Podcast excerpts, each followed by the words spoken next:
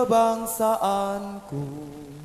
Bangsa dan tanah airku Marilah kita berseru Indonesia bersatu.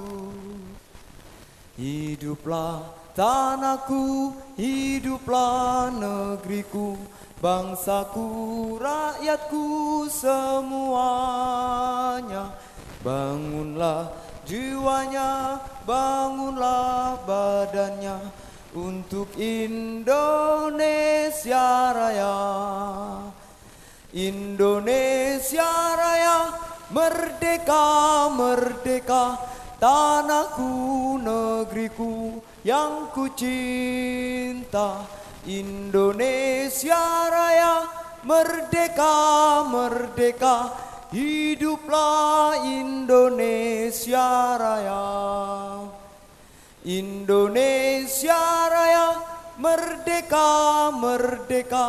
Tanahku negeriku yang ku cinta Indonesia Raya merdeka merdeka Hiduplah Indonesia Raya. Terima kasih. Ya, tepuk tangan sekali lagi untuk Indonesia yang tak pernah berhenti untuk kita mencintainya. Oke, malam hari ini sudah hadir rekan-rekan Orkes Bisa Pak Gusron dan kembali ke uh, tamu yang hadir malam hari ini mesti Anda ada yang bertanya, lu ngopo MC Rarti tamune? Memang saya sinkronkan dengan tema malam hari ini. Tema malam hari ini adalah ingatan para pelupa. Yang ngono gue mau. Coba nanti kita tunggu dari uraian beliau-beliau. Uh, sebagai pengantar Orkes Bisa Pak Gusuran akan mengantarkan beberapa komposisi malam hari ini. Yuk. Yang pertama, Mas Benny, monggo dipersilakan apa ini, Mas Cito.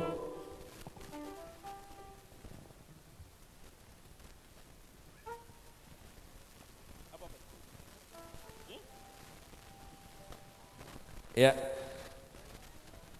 Coba yang pertama untuk lebih menghangatkan malam yang agak-agak dingin ini, coba akan kita persembahkan sebuah suluk di mana ada etnik Cina, etnik Jawa di komposisi itu, itu ya. Coba kita persembahkan untuk di awal.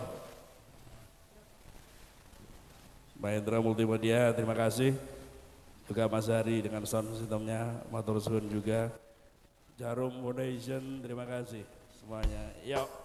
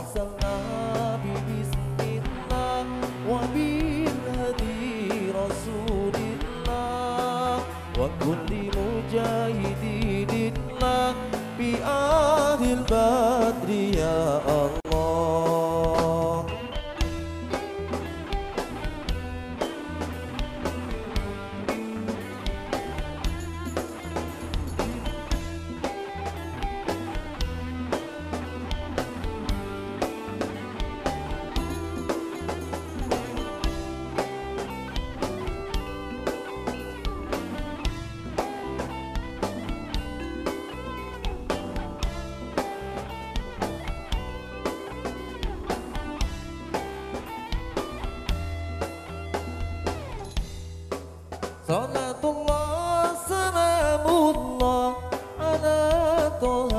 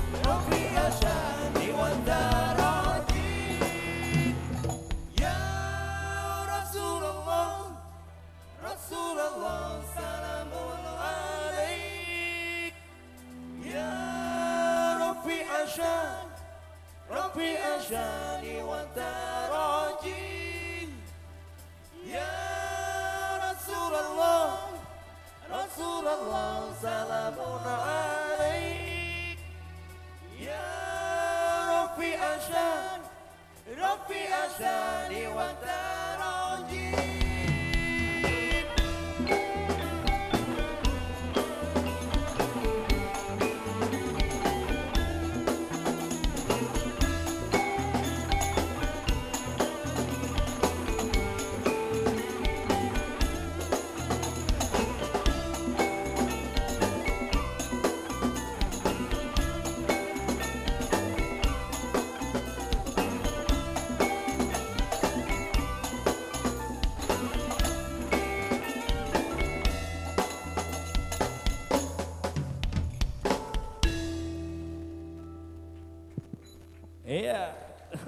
Oke.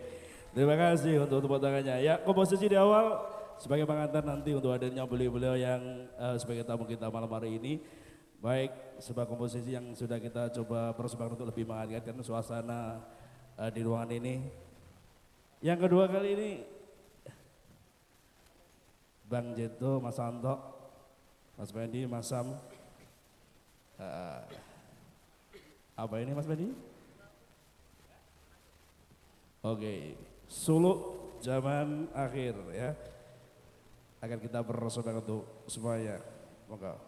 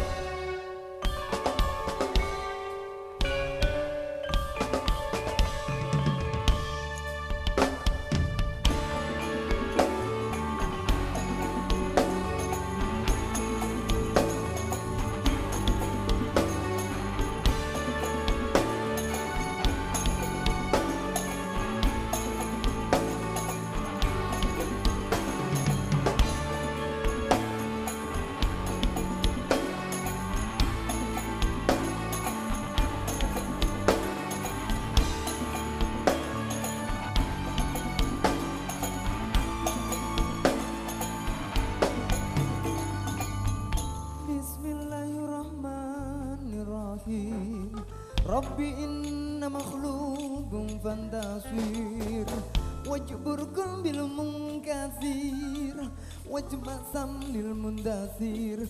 Inna ka rahman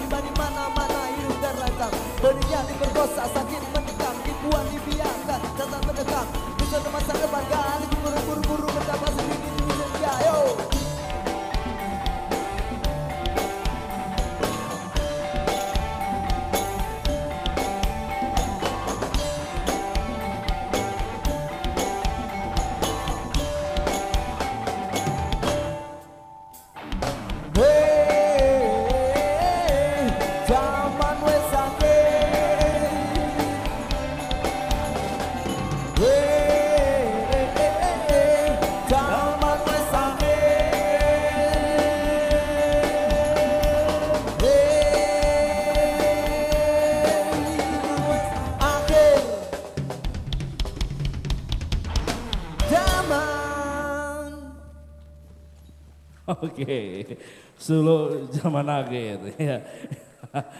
Sebuah Solo yang eh, kalau kita bicara Solo zaman akhir ini banyak yang ya, kalau kita ceritakan banyak yang harus kita ceritakan tapi itulah Solo zaman akhir ya. Pertama kali sepak gusuran untuk eh, membuat album ini adalah Solo zaman akhir di tembangnya ya, eh, komposisinya. Oke. Gimana nih eh, Mas Jumain? Belum, belum, belum, belum, belum, belum. Ya, setelah ada komposisi Solo zaman akhir, coba untuk komposisi yang ketiga kali ini. Oke, Mas Mandi apa Mas Mandi?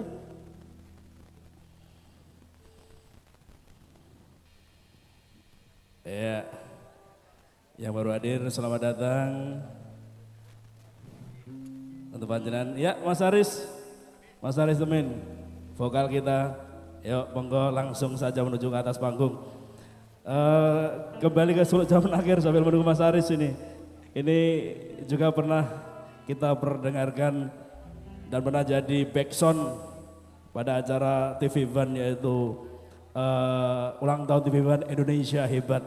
Di situ hadir ada Bang Iwan, ada banyak musisi dan seniman yang hebat dari Indonesia dan salah satunya adalah Orkes Bisa Pak Gusuran. Tepuk tangan dong Orkes Bisa Pak Gusuran ya. Oke. Dan Bang Aris yang baru ini, ini adalah juga salah satu vokal kita, andal kita. Yuk. Bang Aris monggo.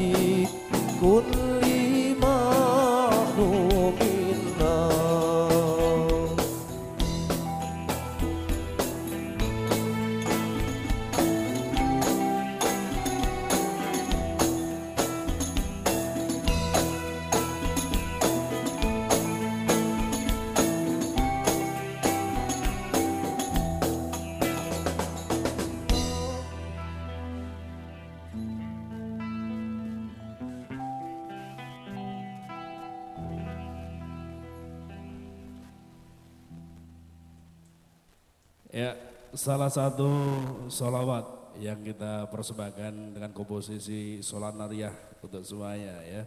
Yang baru hadir dipersilakan segera masuk di ruangan ini karena sebentar lagi acara ini dan beliau-beliau akan kita hadirkan. Tapi eh, rekan-rekan satu komposisi kembali untuk Mas Aris, monggo apa yang dipilih untuk Mas Aris vokalnya? Ya. Mas Aris, apa ini? Eh, sebuah lagu lama yang kita coba untuk malam ini. Sebuah lagu buat Indonesia, Ya, Indonesia Jaya. Indonesia Jaya. Ya.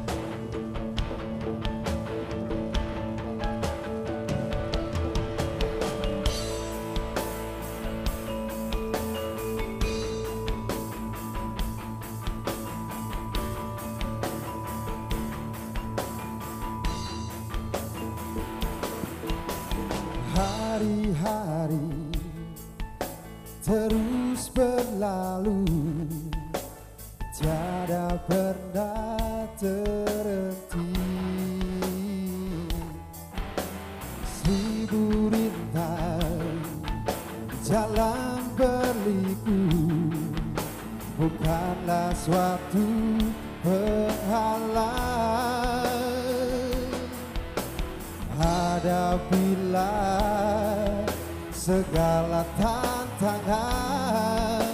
Mohon petunjuk yang kuasa.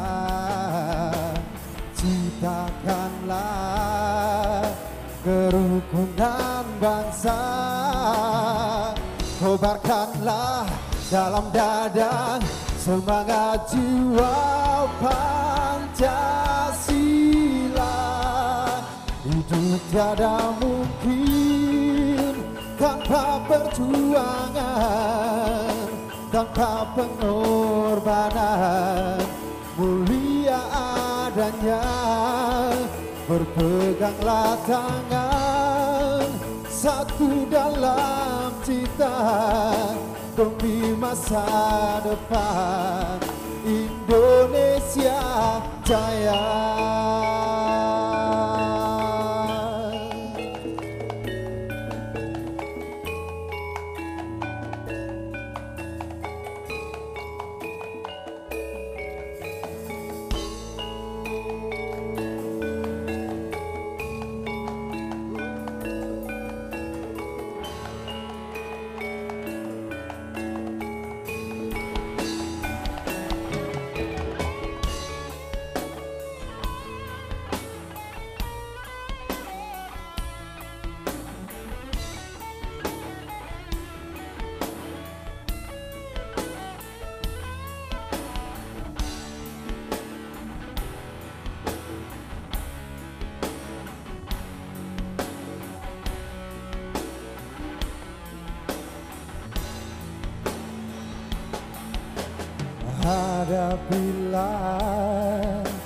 segala tantangan Mohon petunjuk yang kuasa.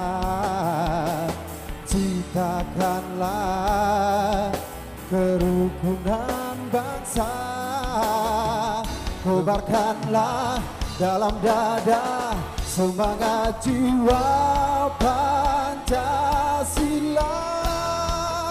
Hidup tiada mungkin tanpa perjuangan Tanpa pengorbanan Mulia adanya Berpeganglah tangan Satu dalam cita Demi masa depan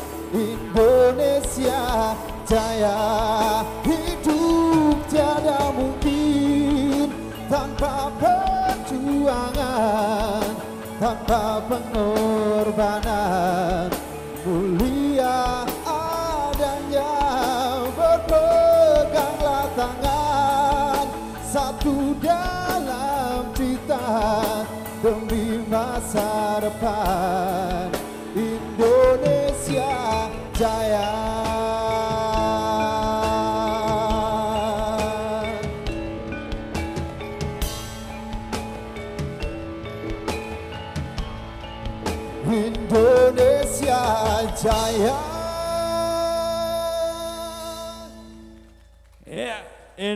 Indonesia Jaya ya. Ya semoga memacu semangat kita untuk tetap mencintai Indonesia, kita tercinta. Ya, untuk di season pengantar ini coba kita istirahat sejenak nanti kita hadir kembali tentunya tetap di tempat rekan-rekan koreksi bisa Pak Gusuran. Baik langsung kita hadirkan karena sudah tepat saatnya tepat waktunya Beliau pimpinan dari Orkes Visi Sambak Gusuran juga pengasuh Suluk Malaman. Beri aplaus yang terbaik untuk beliau. Bang Anis Soleh Bazin.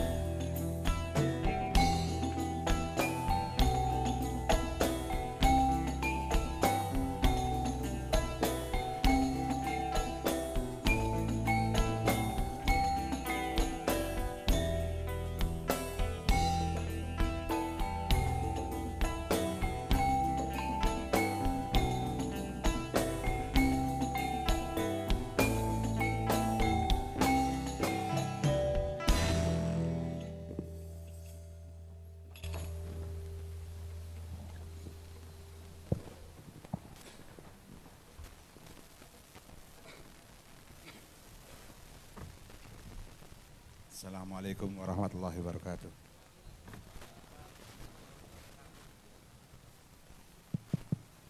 Bismillahirrahmanirrahim.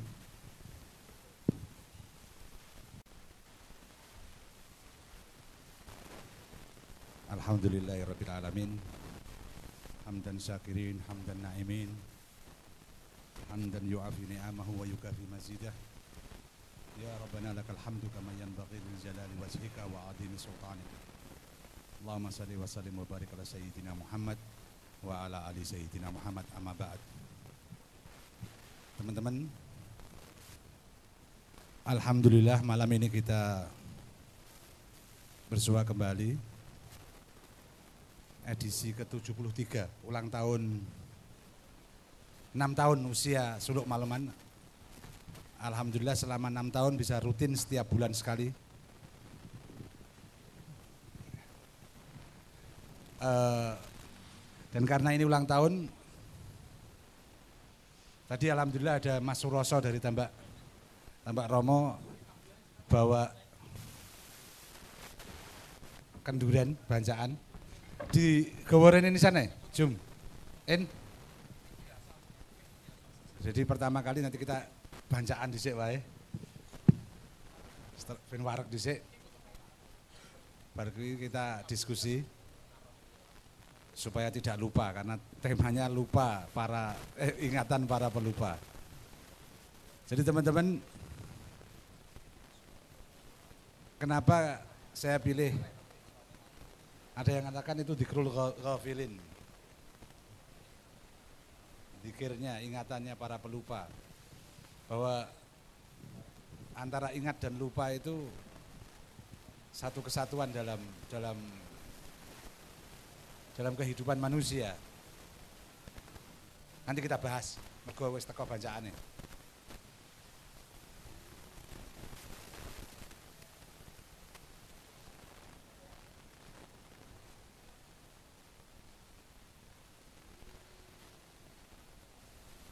Sing tengah sing gede.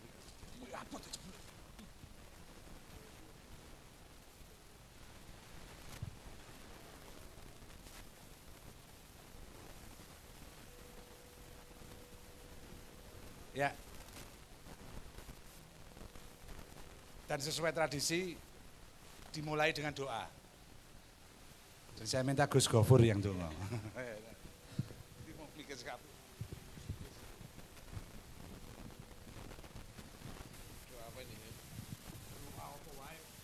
Baik, kita berdoa bersama-sama semoga eh, suluk malaman diberi usia Allah yang lebih panjang lagi, lebih bermanfaat lagi, sehingga bisa dirasakan oleh banyak lapisan masyarakat. Al-Fatihah. أعوذ بالله من الشيطان الرجيم بسم الله الرحمن الرحيم الحمد لله رب العالمين الرحمن الرحيم مالك يوم الدين إياك نعبد وإياك نستعين اهدنا الصراط المستقيم صراط الذين أنعمت عليهم غير المغضوب عليهم ولا الضالين. آمين. بسم الله الرحمن الرحيم. الحمد لله رب العالمين. اللهم صل وسلم وبارك على سيدنا محمد وعلى آله وصحبه. اللهم كشف الغم مفرج الهم مجيب دعوة المضطرين إذا دعوا. الرحمن الدنيا والآخرة ورحمهما. ارحمنا في حاجاتنا ارحمنا في حاجاتنا ارحمنا في حاجاتنا. بقضائها ونجاحها رحمة تغنينا بعمل سواك. اللهم نسألك أن تجعلنا وتجعل هذا المجلس نافعا نفعا عاما نافعا نفعا عاما لهذه الأمة خصوصا أمتنا الإسلامية. ربنا آتنا في الدنيا حسنة وفي الآخرة حسنة وقنا عذاب النار. وصلى الله على سيدنا محمد وعلى آله وصحبه بارك وسلم. والحمد لله رب العالمين. Ya, terima kasih. Dipangan ini apa go? Eh? Oke, baik. Mampu gak nek engko? Hah? Hah? Mampu. Ya, ini saya cumain bagian pembagi. Saya yang dhuwur orang mangan tau Eh?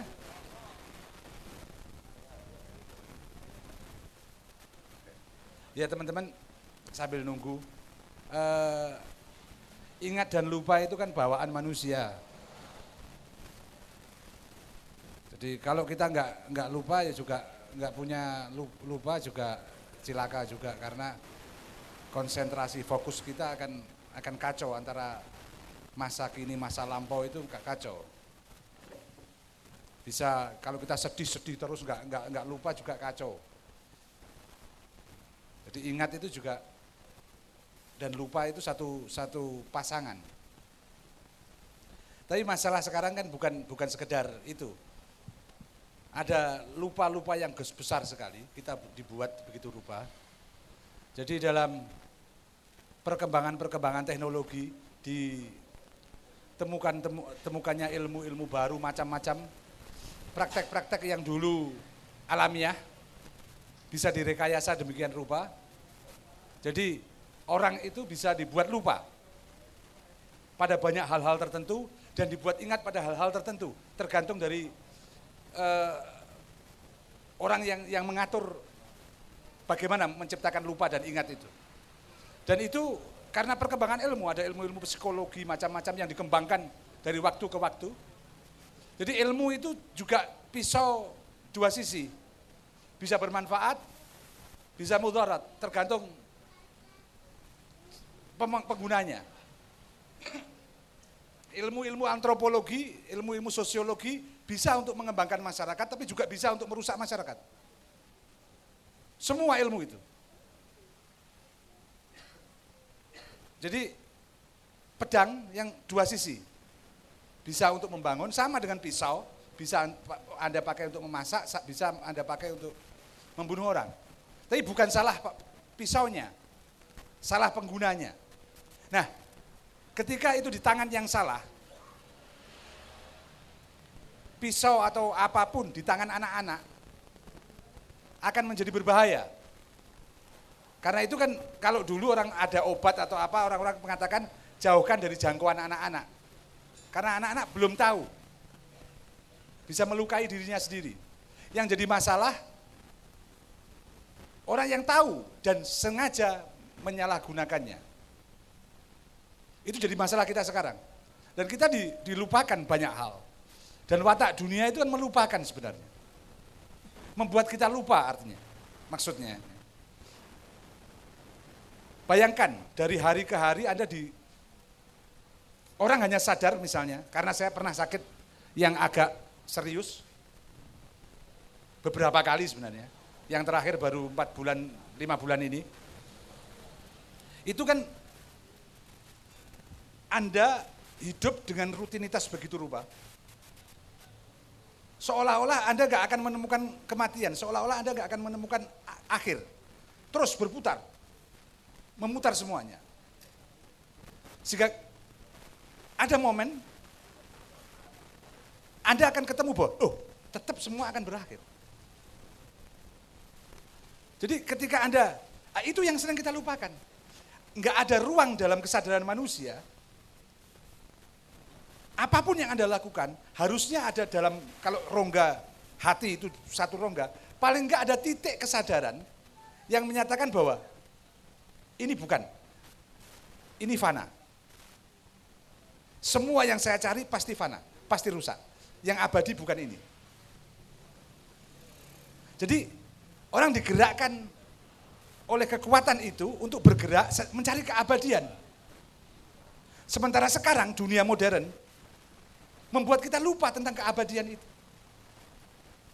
Orang mengejar seolah-olah keabadian di dunia ini. Orang digerakkan supaya mengejar dunia sekarang juga. Dan itu dengan macam-macam media, Anda digerakkan itu. Bahkan di soal politik pun akan begitu. Seolah-olah berkuasa di dunia itu wajib. Orang lupa tentang tuntutan-tuntutan bahwa ada maha, maha pengatur itu dari atas sana. Yang akan sedemikian rupa mengatur. Semua pola, semua sistem, semua pola, katakanlah arah kehidupan Anda. Tentu saja bukan tidak terus, oh Kalau begitu tidak bergerak, justru itu itu. Kita bergerak tapi memberikan ruang bahwa yang kita cari bukan ini. Anda makan, bukan tidak makan, Anda makan, tapi Anda sadar bahwa makan ini agar saya punya kekuatan untuk beramal. Itu yang hilang, yang dilupakan oleh eh, dibuat lupa oleh peradaban sekarang dengan kecepatan-kecepatan informasinya, dengan kegegeran-kegegeran yang selalu dibuat. Sekarang saya tanya, orang Indonesia geger macam-macam sampai lupa. Berapa utang Indonesia?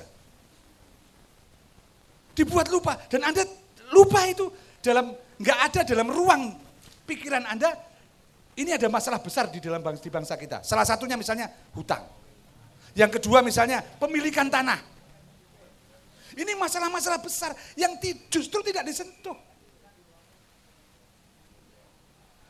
Pemilikan tanah, penguasaan ekonomi, macam-macam itu, itu masalah besar kita bersama.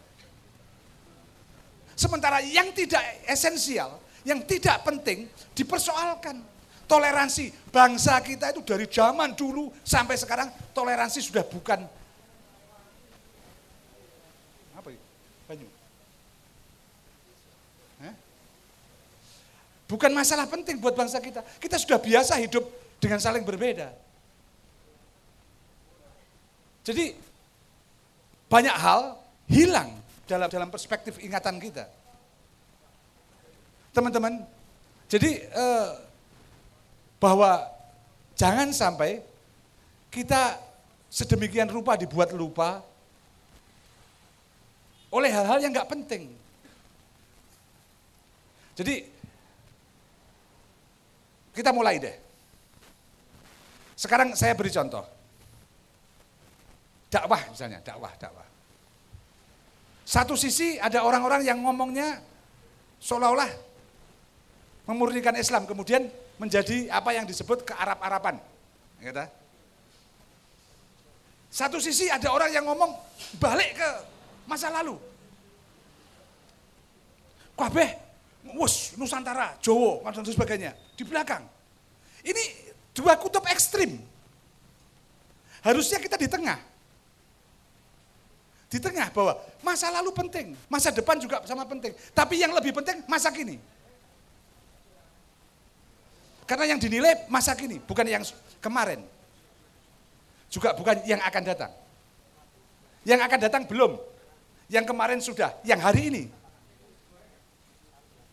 Jadi ini kan konsep dasar yang kita lupakan. Dan kita seperti diberi candu. Wah dulu bangsa kita hebat. Iya itu kan mbah-mbahmu, orang awakmu. Bangsa kita itu luar biasa. Kalau itu untuk untuk membuat Anda semakin percaya diri, bagus. Tapi kalau Anda membuat Anda jadi nativis, nggak bagus juga. Artinya, semua langkah yang kita lakukan harus diberi ruang, bahwa ada ruang, bahwa kita harus menciptakan sesuatu yang baru. Kita lihat deh, itu gejala-gejala itu. Itu banyak sekali.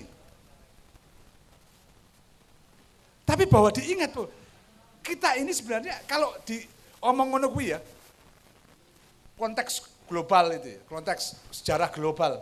Bahwa pada akhirnya nanti nanti manusia itu satu karena umatan wahidah. Kemarin ada, ada teman ngomong, Anda tahu lada bahasa Inggrisnya apa? Lada. Pipar, papir ya. Itu bahasa as, bahasa Inggris. Asalnya dari dari bahasa apa?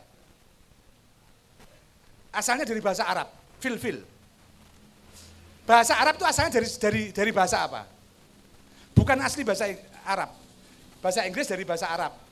Bukan asli bahasa Inggris, dari bahasa Arab. Bahasa Arab dari apa? Dari bahasa Sanskerta. Pipala. Artinya lada. Nah, bahasa Sanskerta dari bahasa apa? dari bahasa Jawa kuno, palapa. Lu akhirnya kan muter ini kan. Dari bahasa Inggris itu dari bahasa Arab, bahasa Arab itu dari bahasa Sanskerta, bahasa Sanskerta dari bahasa Jawa kuno. Artinya beredar. Kebudayaan peradaban itu beredar. Manusia itu tidak ada batas-batas. Kita menciptakan Indonesia, kita menciptakan, oh iya, tapi itu tidak. Bukan harga mati. Harga mati Allah. Gitu loh. Itu tetap akan bisa berubah. Kalau kita sekarang dijaga, masih tetap seperti ini. Karena Allah mengendaki begitu. Karena karomah-karomah, karena wasilah macam-macam dari masa lalu masih menguatkan kita. Kalau enggak sudah bubrah kita. Nah, itu kalau kita pakai ayat Quran, Allah tidak akan merubah nasib satu kaum, kecuali kaum itu merubah apa yang ada di dalam dirinya.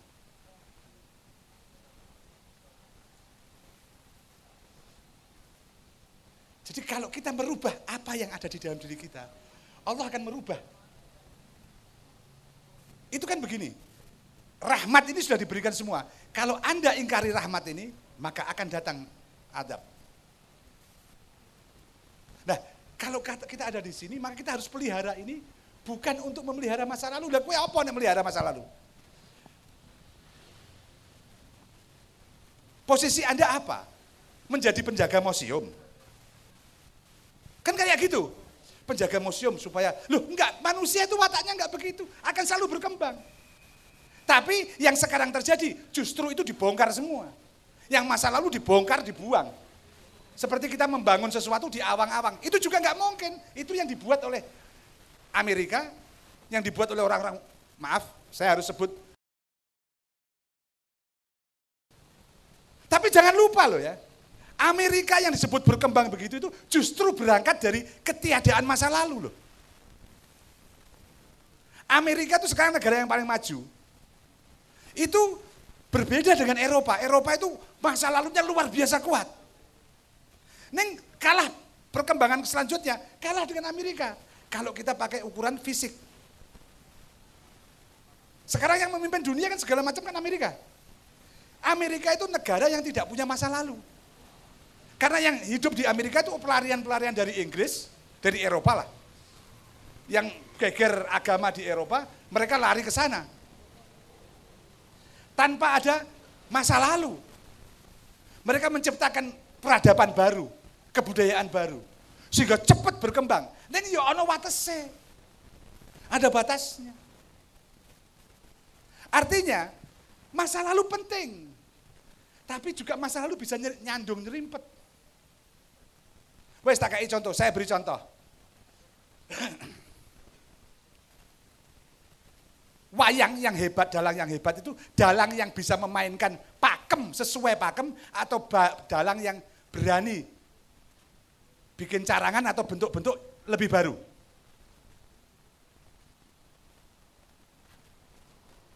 Kan dua-duanya dibutuhkan.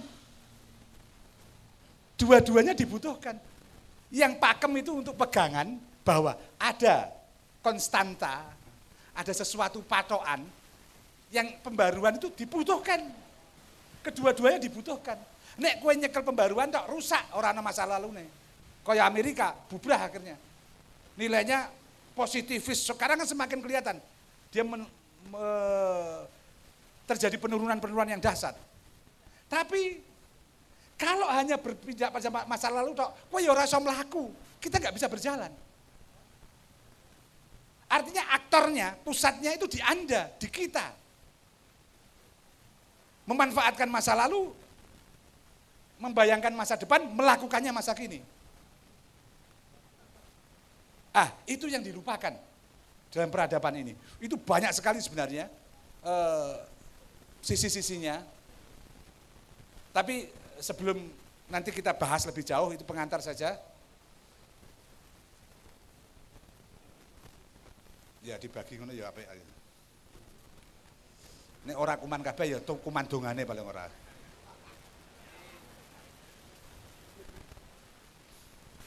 Ya teman-teman, jadi kita kita berpikirlah bahwa Anda harus fokus. Sekarang saya mau tanya, ketika Anda selalu ingat kalau punya kaki enggak? Selalu ingat kalau punya kaki enggak? Eh? Selalu ingat kalau punya tangan enggak? kadang-kadang lupa kalau punya kepala juga kok. Karena apa? Fokus kita nggak di situ. Fokus kita bayar utang misalnya. Iya toh? Fokus kita gudak calon yang nggak jadi-jadi misalnya. Itu kan membuat kita lupa pada yang lain. Yang dekat kita lupakan malah. Irongmu dewe lali gue. Bentuk irongmu biasa jajal kowe jawab apa? Orang ngerti jangan. Jadi hal-hal yang dekat itu sering kita lupakan. Tapi lupa itu penting. Jadi ini ini ini ini ini tegangan-tegangan yang penting ya. Rasulullah pernah pernah ditanya, pernah uh, tanya pada sahabatnya, "Ya Rasulullah, saya sudah beriman." Rasulullah tanya pada sahabat, "Apa buktinya?" Si sahabat menjawab, "Ketika saya melangkahkan kaki kanan, saya lupa kalau saya punya kaki kiri." Ketika saya melangkahkan kaki kiri, saya lupa kalau saya punya kaki kanan. Artinya apa? Selalu di masa kini. Neng kan ijek ileng sikil. Akhirnya das saya railing, kepala aja nggak lupa, nggak ingat. Jadi karena yang kita pikirkan bukan hal yang prinsip. Karena itu yang penting itu sebenarnya kita skala prioritas. Jangan sampai dikacaukan oleh zaman, zaman sampai sampai dikacaukan oleh apa pun. Skala prioritas hidupmu itu apa? Harus ditempatkan itu. Skala prioritas pertama itu ingat kalau kita pakai hanya dua skalanya. Yang lainnya itu suplemen aja. Yang penting itu dua. Sangkan kalau bahasa Jawa, ingat asal. Karena itu Quran mengatakan man amana billah wal yaumil akhir. Siapa yang beriman pada Allah dan yaumil akhir. Maka ingat asalnya dari mana dan mau ke mana. Itu tok. Kalau setiap hari itu Anda ingat, semuanya akan di dalam di dalam garis spektrum itu. Karena itu nek bahasa Jawa sudah mengangkat itu sangkan paraning dumadi. Kalau ingat itu setiap hari, semua tindakan Anda akan akan terhubung dengan asal Allah dan tujuan. Yaitu yaumil akhir. Kalau ini terputus, terputus semuanya. Nah, kita kadang-kadang lupa. Bukan kadang-kadang, sering-sering lupa. Dan dibuat lupa. Dan watak dunia memang melupakan. Membuat lupa. Mungkin itu pengantar. Uh, sebelum nanti saya minta Gus Gofur sama Nanti Budi kayak malah motreti ya. Sama Mas Budi Mariono untuk bicara saya minta uh, teman-teman sahabat Gusuran ada lagu baru katanya ya. Ya biar ini ulang tahun memainkan satu lagu baru. Monggo.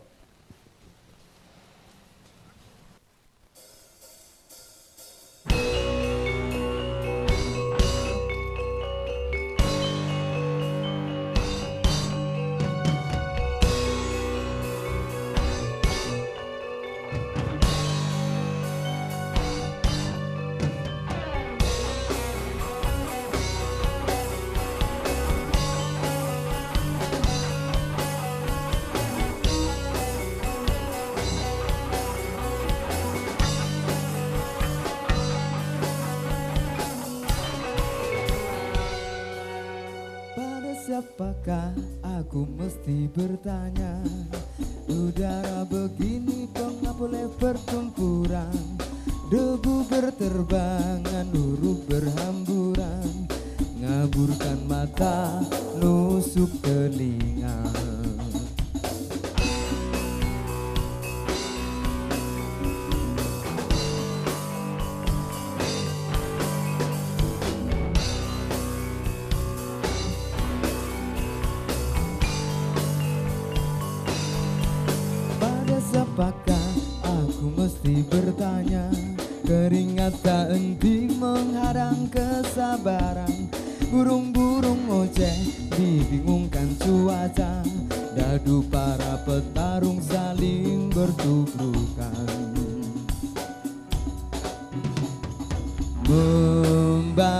kota dan membungkam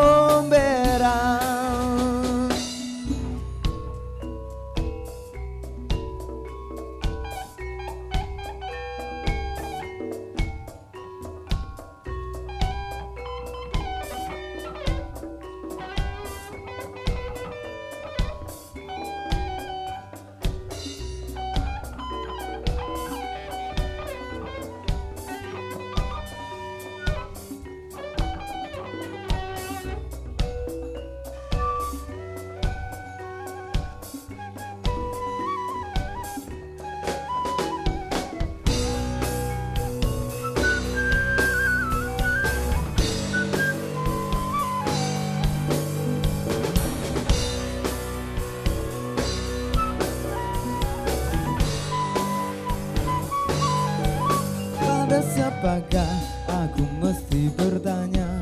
Udara begini pengap oleh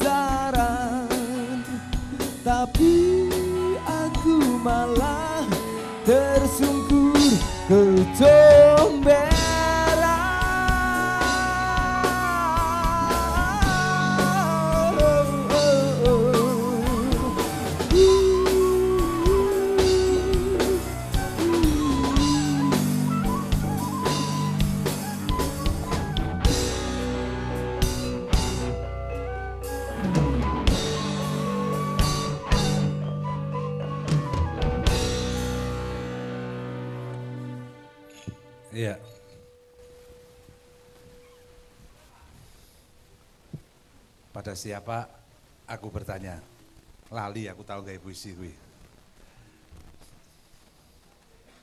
Ya teman-teman, eh, kita akan coba bahas langsung pada Gus Gofur. Monggo Gus.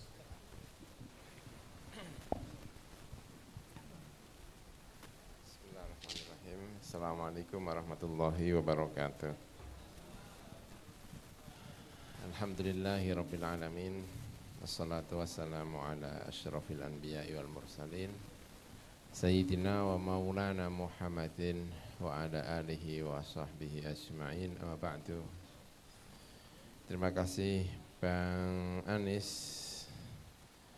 kita di ulang tahun yang ke-6 ya. Semoga juga tidak melupakan tentang filsafat di adakannya majelis suluk malaman. Saya khawatir lama-lama nanti kita juga lupa kan repot juga ini. Karena manusia gampang untuk diajak lupa. ya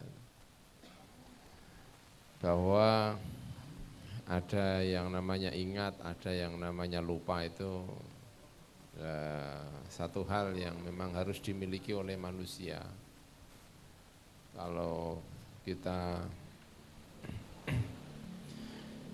mengingat petuah-petuah Nabi kita misalnya ya, seorang mukmin tidak akan masuk pada satu lubang dua kali. Ya. Masuk lubang kesalahan kok sampai dua kali itu kan eh, repot sekali itu. Nabi menyebutnya tidak lagi menjadi seorang mukmin. Tipe mukmin itu mampu belajar dari kesalahan masa lalu. Pertama pernah ditipu lalu ditipu lagi itu artinya dia telah melupakan, tidak mampu belajar dari sejarah. Dan kita ini sebagai bangsa sering kali jatuh pada lubang yang sama. Setiap kali pemilu kita selalu tengkar misalnya. Itu dulu ya tengkar, sekarang ya tengkar lagi. Itu namanya tidak lagi menjadi seorang yang mukmin. ya. Kita pernah disibukkan oleh Sarah oleh isu-isu agama, isu-isu ras, isu-isu tentang apalagi ya. Itu secara bergilir kita akan melakukan itu itu lagi. Kerusuhan-kerusuhan yang sama. Itu kalau dalam perspektif Nabi Muhammad itu tidak lagi disebut sebagai seorang yang mukmin. Baru saja kita melewati pemilu Jakarta yang luar biasa buruknya ya khawatir itu dibawa ke pemilu Jawa Tengah. Kalau itu sampai dibawa ke pemilu Jawa Tengah itu hampir pasti kita mengatakan itu tidak tipe orang yang mukmin. Karena Nabi sudah mengingatkan bahwa mukmin itu seorang yang iman tidak akan jatuh pada satu lubang dua kali. Sudah berkali-kali ternyata salah kalau kita itu milih pemimpin hanya karena uang 50 itu salah gitu. Tapi setiap tahun ya begitu terus saja. Setiap kali itu datang masanya ya diterima aja 50 ribu itu. Ada lagi yang sudah diturunkan harganya jadi 20 ribu. Ada lagi yang tidak mau datang ke pemilu hanya karena belum ada suntikan dana dan lain sebagainya itu kan Artinya masuk dalam lubang bukan hanya dua kali, tapi itu adalah daur setiap lima tahun sekali. Sampai kawan-kawan itu bilang, kiai itu dosanya lima tahun sekali. Setiap kali pemilu dapat dosa. Gitu. Ya, tapi sebetulnya Nabi itu datang, itu juga mengajak lupa sebetulnya. Karena dalam bahasa Arab itu al-afu itu pada dasar makna al-afu itu adalah melupakan, menghapus, tidak hanya melupakan tetapi menghapus. Ada peperangan yang besar ketika Nabi berada di Madinah itu antara Aus dengan Khosroj, dua kabilah yang besar. Nabi datang mengajak, mari kita lupakan. Hal-hal yang kayak gini itu kita lupakan kita punya agenda yang lebih besar daripada ini. Jadi ternyata lupa itu ya perlu diperlukan. Dalam bahasa sederhana kadang-kadang diterjemahkan ada ayat Al-Quran itu khudil afwa. Itu dalam bahasa bahasa kita itu kira-kira yang gampangan. Baru dicubit sekali aja kok ingatnya sampai dua tahun itu kan. Kan lucu itu. NU dengan Muhammadiyah pernah bertengkar. Itu ingatnya itu sampai sekarang masih ingat. Itu nggak tahu itu kenapa kok masih ingat itu. Padahal itu kan disuruh gampangan. Yang gampangan itu artinya ya yang namanya orang pernah disakiti ya dilupakan saja lah itu aja. Kalau kustur ya gitu aja kok repot itu Ya, jadi ada anjuran memang untuk melupakan tetapi juga anjuran untuk tidak melupakan. Meletakkan masing-masing pada posisi yang pas. Kapan kita harus ingat, kapan kita harus lupa. Tapi kalau bahasanya pelupa itu memang agak repot itu. Karena kita membangun satu gerakan itu berdasarkan ingatan pada masa lalu. Tanpa ingatan masa lalu kita tidak punya apa-apa. Perspektif kita pada dunia pada hari ini itu dibangun sesuai dengan pengalaman-pengalaman kita di masa lalu. Tanpa ada ingatan masa lalu kita tidak akan mengerti apa yang terjadi di dunia yang sekarang ini. Kita tidak akan tahu. Kenapa tiba-tiba seperti tadi disampaikan Islam di Indonesia itu coraknya kok seperti ini, kok berbeda dengan Islam di dunia mana pun. Ya karena kita punya masa lalu yang berbeda. Itu harus diingat sehingga gerakan pada hari ini melupakan masa lalu pasti tidak akan berhasil. Pasti itu tidak akan berhasil. Karena akan ditolak oleh memori masyarakat yang begitu kuat. Karena itulah tadi sebelum ke sini ada hall, saya datang di hall di Kartomulyo di mana di Trangkil. Hallnya Mbah Nuh. Menurut cerita salah satu tokoh di daerah Trangkil ada namanya Mbah Nuh. Orangnya sederhana, nah kalau menurut saya ya ekstrim, sederhananya itu ekstrim. Tidak perlu ditularkan kepada orang lain tetapi bisa dijalankan oleh satu dua orang. Dan itu perlu untuk apa namanya kritik sosial dan sebagainya, tetapi seperti sering kita ingatkan bahwa dunia ini tidak boleh diberi resep satu. Karena kalau diberi resep satu itu pasti banyak merusaknya ketimbang membangun. Misalnya cuma punya resep pil kita, gitu ya. sakit perut ya pil kita, sakit kepala ya pil kita, orang impoten juga pil kita, gitu misalnya ya. Semuanya pil kita, ya pasti rusak. Nah, enggak boleh di dunia ini ada resep satu untuk semua orang itu tidak boleh. Karena kalau ada resep satu untuk semua orang itu betapa repotnya. Nah, Mbah Nuh itu ekstrim karena me, menjalankan hidup dengan sangat sederhana, rumahnya tidak mau dibangun, dan itu kalau dilaksanakan untuk semua orang Pati, hampir pasti tidak ada peradaban di Pati. Tapi itu untuk perlu untuk satu dua orang. Ada orang yang setiap hari wiridanya baca surat selawat naria sampai tujuh ribu kali misalnya, ada yang membacanya sampai tujuh ratus kali Nah itu kalau resep ini untuk semua orang ya rusak. Masa ya kalau kelas Habib ini perlu lah ini kira-kira nggak punya pekerjaan sama kan itu kan gitu. Nah kalau pedagang disuruh baca solawat narya sampai tujuh ribu kali ya kapan kerjanya? Itu salah penempatan. Makanya perlu kita mengingatkan hal-hal yang semacam ini perlu diingatkan agar kita tidak jatuh pada lubang yang sama. Kita perlu mengingatkan tentang bahwa iman misalnya saja ya. Iman yang dibangun oleh kancing Nabi itu dulu tidak pernah digegerkan dengan masalah-masalah jelimetnya filsafat. Misalnya apakah Tuhan itu bertempat di mana atau tidak bertempat di mana dulu kan Nabi tidak pernah bahas masalah-masalah itu. Jadi kalau hari ini ada orang bahas kayak gitu kalau berbeda ya bisa dimengerti wong Nabi dulu nggak bahas. Jadi tidak perlu berdebat hal-hal yang semacam ini. Yang dibangun oleh Nabi itu misalnya masalah keimanan itu bagaimana agar iman itu mampu terimplementasi dalam kehidupan sehari-hari. Itu yang diinginkan oleh Nabi. Kalau pernik-perniknya itu berbeda, itu bisa dimengerti. Tapi bahwa yang ini jangan berbeda. Kalau orang mencuri ingat Gusti Allah. Nah itu semua model keimanan menganjurkan itu. Tidak perlu tanya apakah dia Mu'tazila atau dia As'ari atau dia Salafi. Yang jelas keimanan harus membangun kalau mau korupsi ingat Gusti Allah. Kalau ini sudah terbentuk, sudah ini namanya iman.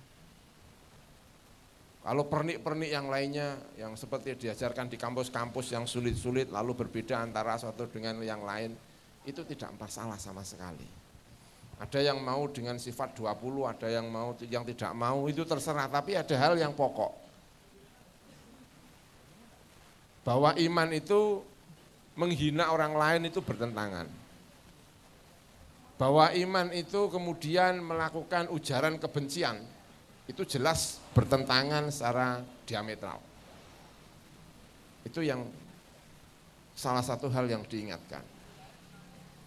Maka Nabi ketika membahas iman di dalam dakwahnya justru yang dipentingkan adalah ini. Tetapi kita ini malah sering terjebak pada permasalahan lain yang dulu tidak pernah dicontohkan oleh Nabi.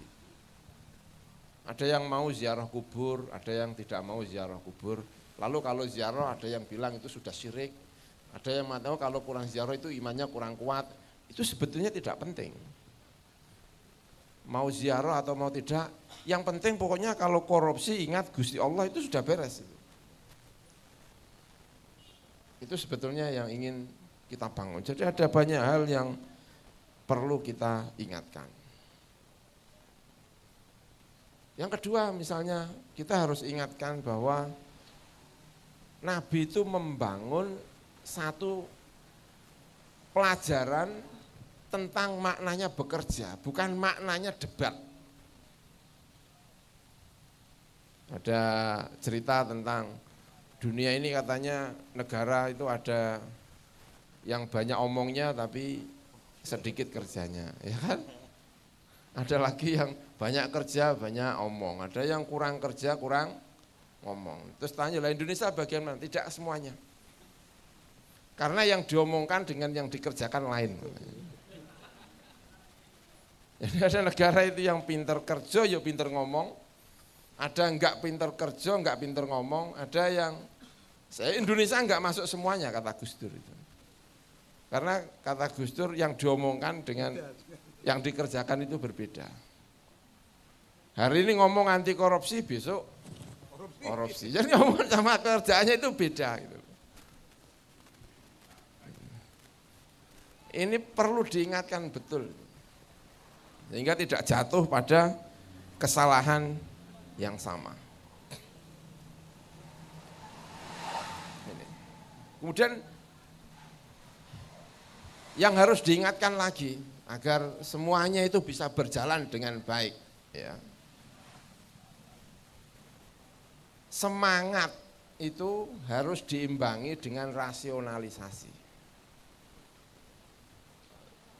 Wah, banyak sekali sekarang ini kalau sudah semangat itu enggak rasional. Apalagi kalau musim kampanye. Wah semangatnya luar biasa tapi enggak rasional.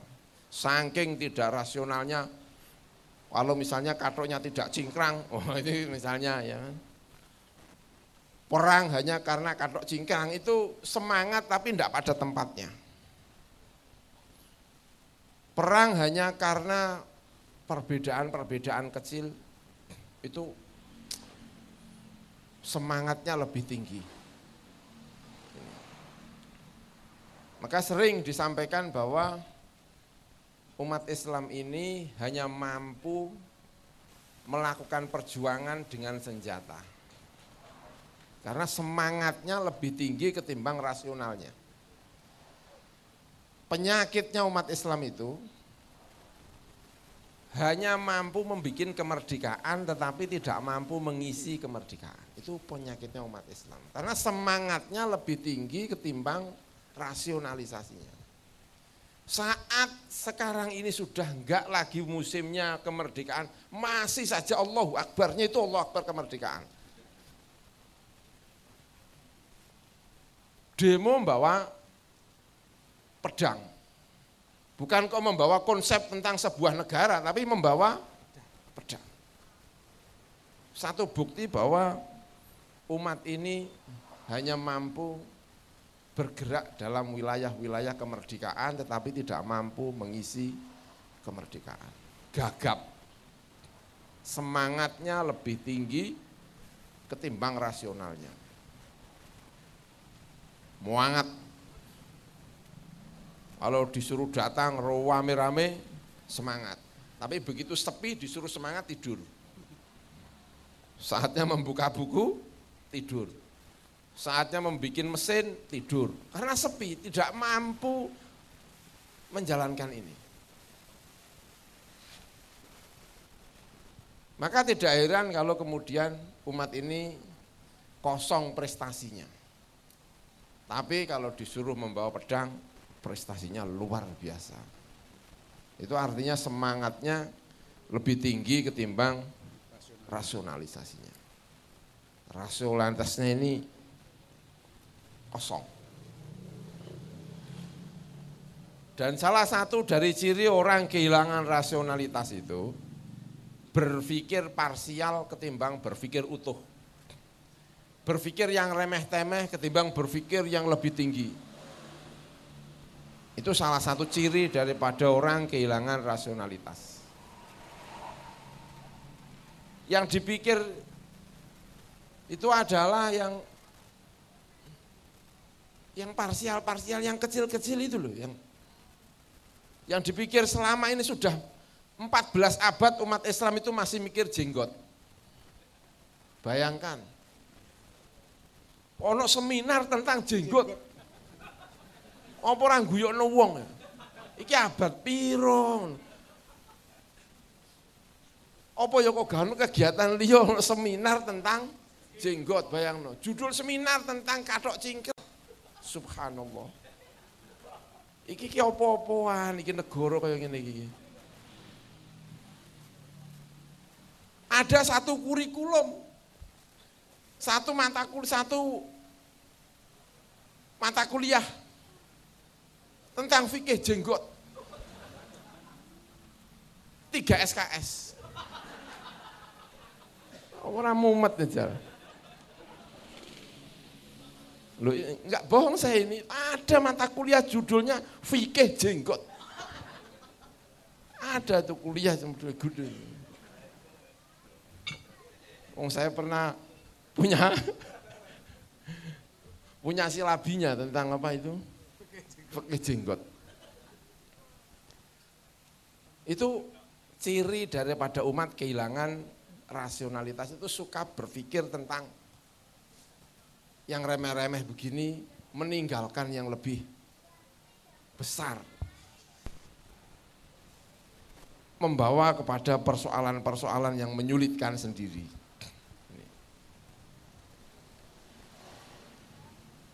Lalu perlu kita ini diingatkan kembali bahwa mari kita memasukkan, jangan mengeluarkan. Sebisa-bisanya kita ini memasukkan. Tapi kita ini kadang-kadang punya hobi bukan memasukkan tapi mengeluarkan. Wah, ada itu. Wong Islam-Islam wis apik-apik jumlah akeh dikurangi. Eh sing iki separuh kafir kabeh. Ngono iki kan jenenge mengurangi. Kok seneng men lho. Heran saya itu. Sing asale wis apik-apik nang masjid dihilangkan. Piye carane ben iso metu saka masjid? Disenan seneni. Enggak tahu dia kadang-kadang nyeneni tidak pada tempatnya itu, Beb. Yang diseneni yaitu orangnya di luar masjid, tapi yang di masjid yang diseneni. Khotbah muring-muring ternyata yang diuring-uring itu yang baik-baik yang di dalam masjid itu. Padahal yang diuring-uring yang di luar masjid. Oh. Lupa kalau yang di depan itu sudah orang baik-baik, yang enggak baik-baik itu yang di luar masjid, tapi yang dimarahi itu yang di dalam masjid. Muring-muring sakar PDW.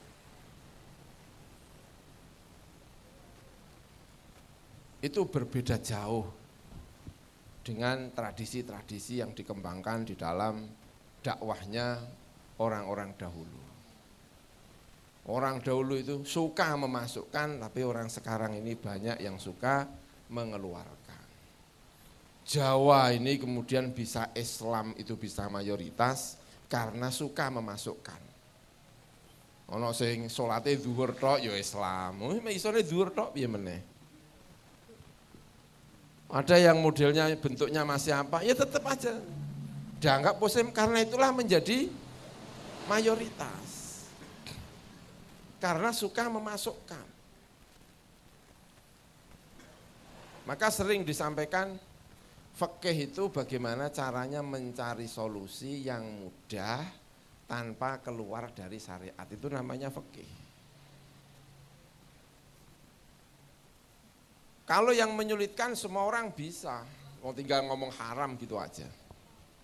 Itu kan bisa, semuanya orang juga bisa kalau ngomongin. Kalau sekedar ngomong jangan itu gampang sekali. Yang susah itu ayo tapi dengan cara yang benar. Itu yang susah. Dan itu adalah keahlian orang-orang tertentu. Ini perlu yang seperti ini diingatkan kembali. Karena tanpa pengingatan-pengingatan yang seperti ini, kita akan semakin kehilangan, akan semakin kehilangan. Karena orientasi sekarang ini saya melihat orang Indonesia bukan hanya orang Indonesia tapi banyak muslim itu yang menunggu Imam Mahdi. Sewedi saya itu. Kamu kok nggak mikir gimana caranya umat Islam itu biar maju, biar semuanya bisa tentrem gitu loh. Enggak, saya nunggu Imam Mahdi aja. Memang begini, takdirnya umat Islam itu memang kayak gini. Karena sebentar lagi juga Imam Mahdi datang. Kalau diajak berpikir itu malah jawabnya Imam Mahdi. Ya ini memang tanda-tanda Nabi Isa mau datang itu ya bentuknya kayak gini nih. Jadi ya memang ini yang kita tunggu. Jadi ada umat Islam melarat, itu yang ditunggu. Sebentar lagi Imam Mahdi datang. Diajak berpikir yang rasional itu nggak mau. Stepnya ini dipikir ini itu nggak mau. Itu menyalahi katanya menyalahi aturan. Karena ini sudah merupakan takdir. Saking kehilangan rasionalnya itu tadi. Dan itu bisa berbahaya. Juga perlu diingatkan bahwa Nabi itu membawa perubahan. Sesuatu yang paling dibenci oleh kanjeng Nabi itu adalah taklid. Ngikuti secara buta. Oh itu paling dibenci sama kanjeng Nabi. Kalau debat sama orang kafir pasti Nabi itu ngomongnya kamu itu paling ngikut ngikutin aja tanpa ada pembenaran sama sekali. Tapi yang terjadi dengan umat sekarang ini banyak yang suka taklid. Saking taklidnya bikin negara kayak Pancasila aja nggak mau. Mana itu ada hadis wal Pancasilau halalun. Nggak ada. Ya memang nggak ada karena ini hasil daripada istihadnya para pendiri bangsa. Lah kalau semuanya sudah ada namanya nggak ada istihad. Kalau istihad itu pasti melahirkan sesuatu yang baru. Dan kamu selalu tanya kalau ada sesuatu yang baru itu mana nasnya, mana wal demokratia suhalalun, mana? Gak ada. Ada. Risalah dunia ini adalah risalah tentang kebaruan. Soeharto dulu naik menjadi presiden karena membawa kebaruan. Tapi saat dia tidak lagi bisa memperbarui dirinya, dia jatuh. Soekarno naik karena dia membawa pembaruan. Dan dia jatuh karena dia tidak mau memperbarui dirinya sendiri. Siapa pun di dunia ini bisa naik karena pembaruan, tapi ketika dia tidak lagi bisa memperbarui dirinya, dia pasti jatuh. Kalau nggak percaya tanya sama perempuan-perempuan itu. Baju dua tahun yang lalu segera digusur karena sudah kuno. Kira-kira itu kira-kira. Mencari sesuatu yang baru terus manusia itu. Manusia itu cepat bosan. Makanya punya istri satu kok awet itu luar biasa. Itu pasti dua-duanya pintar memperbarui diri. Yang istri juga pintar memperbarui diri, suaminya juga pintar memperbarui diri. Kalau suami dan istri selama empat tahun tempe goreng terus, betapa repotnya. Dan DPR DPR di pusat itu perlu belajar kepada orang pati soal ini. Makanya banyak yang selingkuh karena tidak mampu memperbarui dirinya sendiri. Risalah tentang dunia dan Nabi selalu menyampaikan itu karena itulah Nabi memberi terma-terma, ada bid'ah, ada sunnah, ada dan lain sebagainya. Karena ingin memberi peluang tentang kebaruan, tetapi pembaruan-pembaruan yang aktif, yang inovatif, yang kreatif, yang tidak keluar dari jalur-jalur masa lalu. Karena keluar dari masa lalu itu juga akan merepotkan. Orang yang tidak punya masa lalu, tidak punya ingatan masa lalu itu paling gampang dipengaruhi dan itu yang sekarang sedang dibuat agar umat Islam di Indonesia, bangsa Indonesia kayak begitu. Mau dilupakan masa lalunya sehingga gampang dipengaruhi. Gampang sekali dipengaruhi kalau orang itu tidak punya ingatan masa lalu. Tidak punya ingatan tentang mbah-mbahnya, gampang sekali. Nonton televisi hari ini langsung ditiru, pasti. Karena tidak punya jati diri.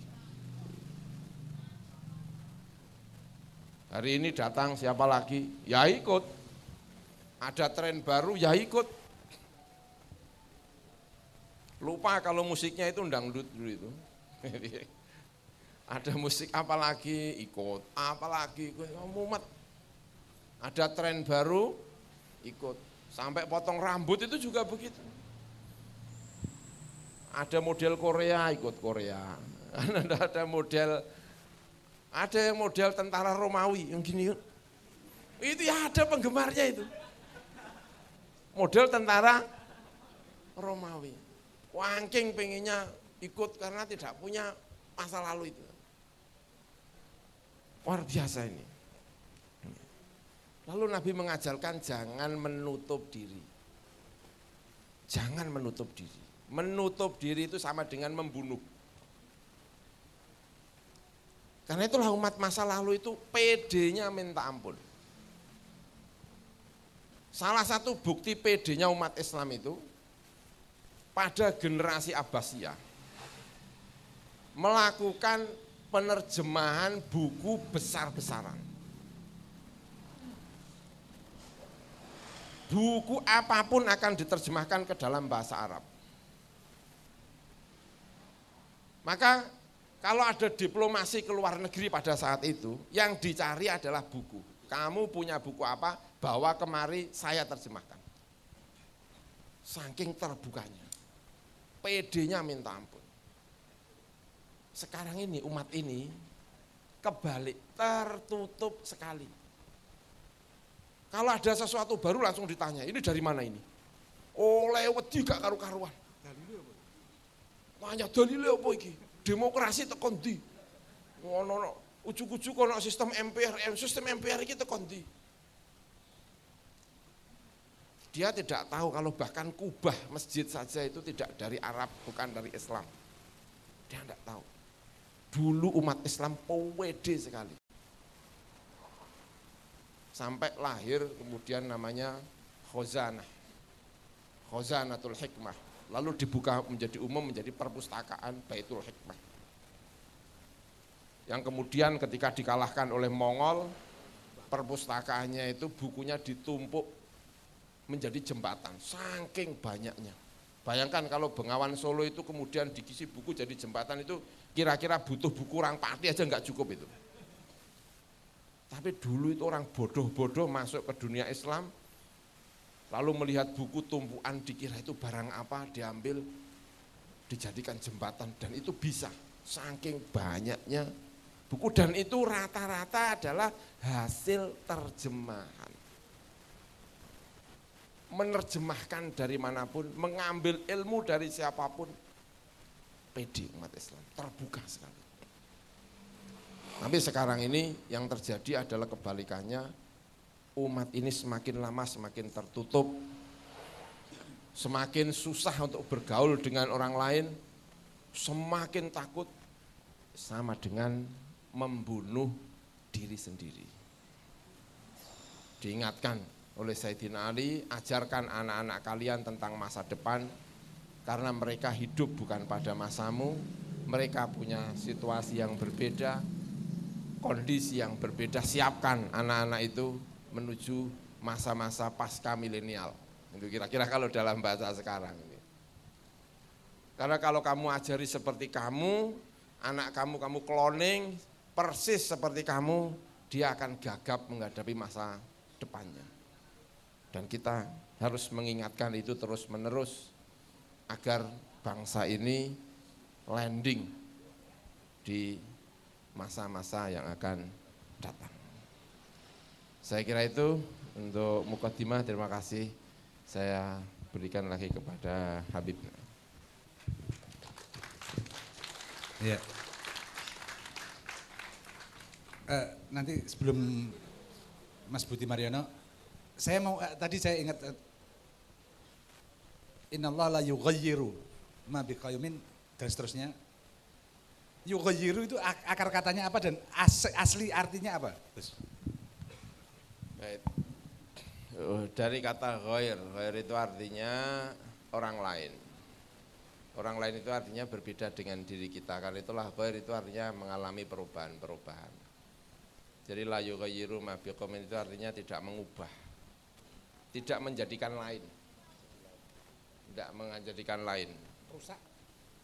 Dari sesuatu yang baik karena kalau dalam mana Al-Quran itu innallaha la yughayyiru ma biqaumin hatta yughayyiru ma bi anfusihim itu menurut banyak para tafsir yang eh, berhaluan sufi gitu ya itu cerita tentang kenikmatan sebetulnya bahwa pada dasarnya Allah itu memberi kenikmatan yang cukup kepada umat manusia.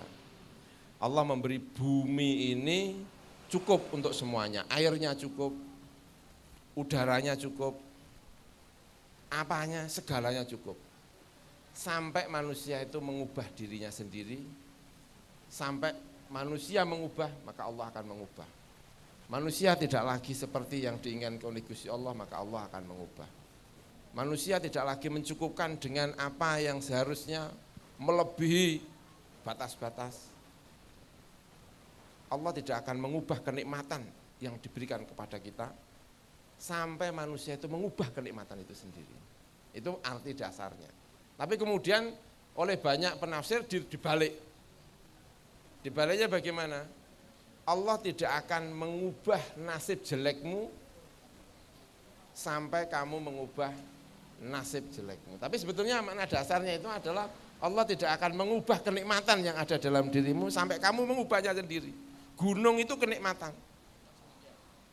Gunung itu kenikmatan. Tapi kalau kamu mengubah gunung, maka akan menjadi bencana. Laut itu adalah kenikmatan. Laut tidak akan menjadi sumber bencana kalau kamu tidak mengubahnya menjadi sumber bencana. Tanah pertanian adalah kenikmatan dari Gusti Allah. Dan itu tidak akan berubah menjadi perusak sampai kalian sendiri yang merusaknya. Itu makna dasarnya. Tapi kemudian dibalik nasib jelek kamu. Jadi kalau nasib jelek kamu itu kan memberi kesan Gus Allah tidak menungso ki dasarnya jelek gitu. Makanya banyak penafsir itu yang mana dasarnya itu sebetulnya manusia itu dalam kenikmatan. Dan kenikmatan ini enggak akan berubah, tidak akan dirubah oleh Gusti Allah sampai kalian sendiri yang merubah.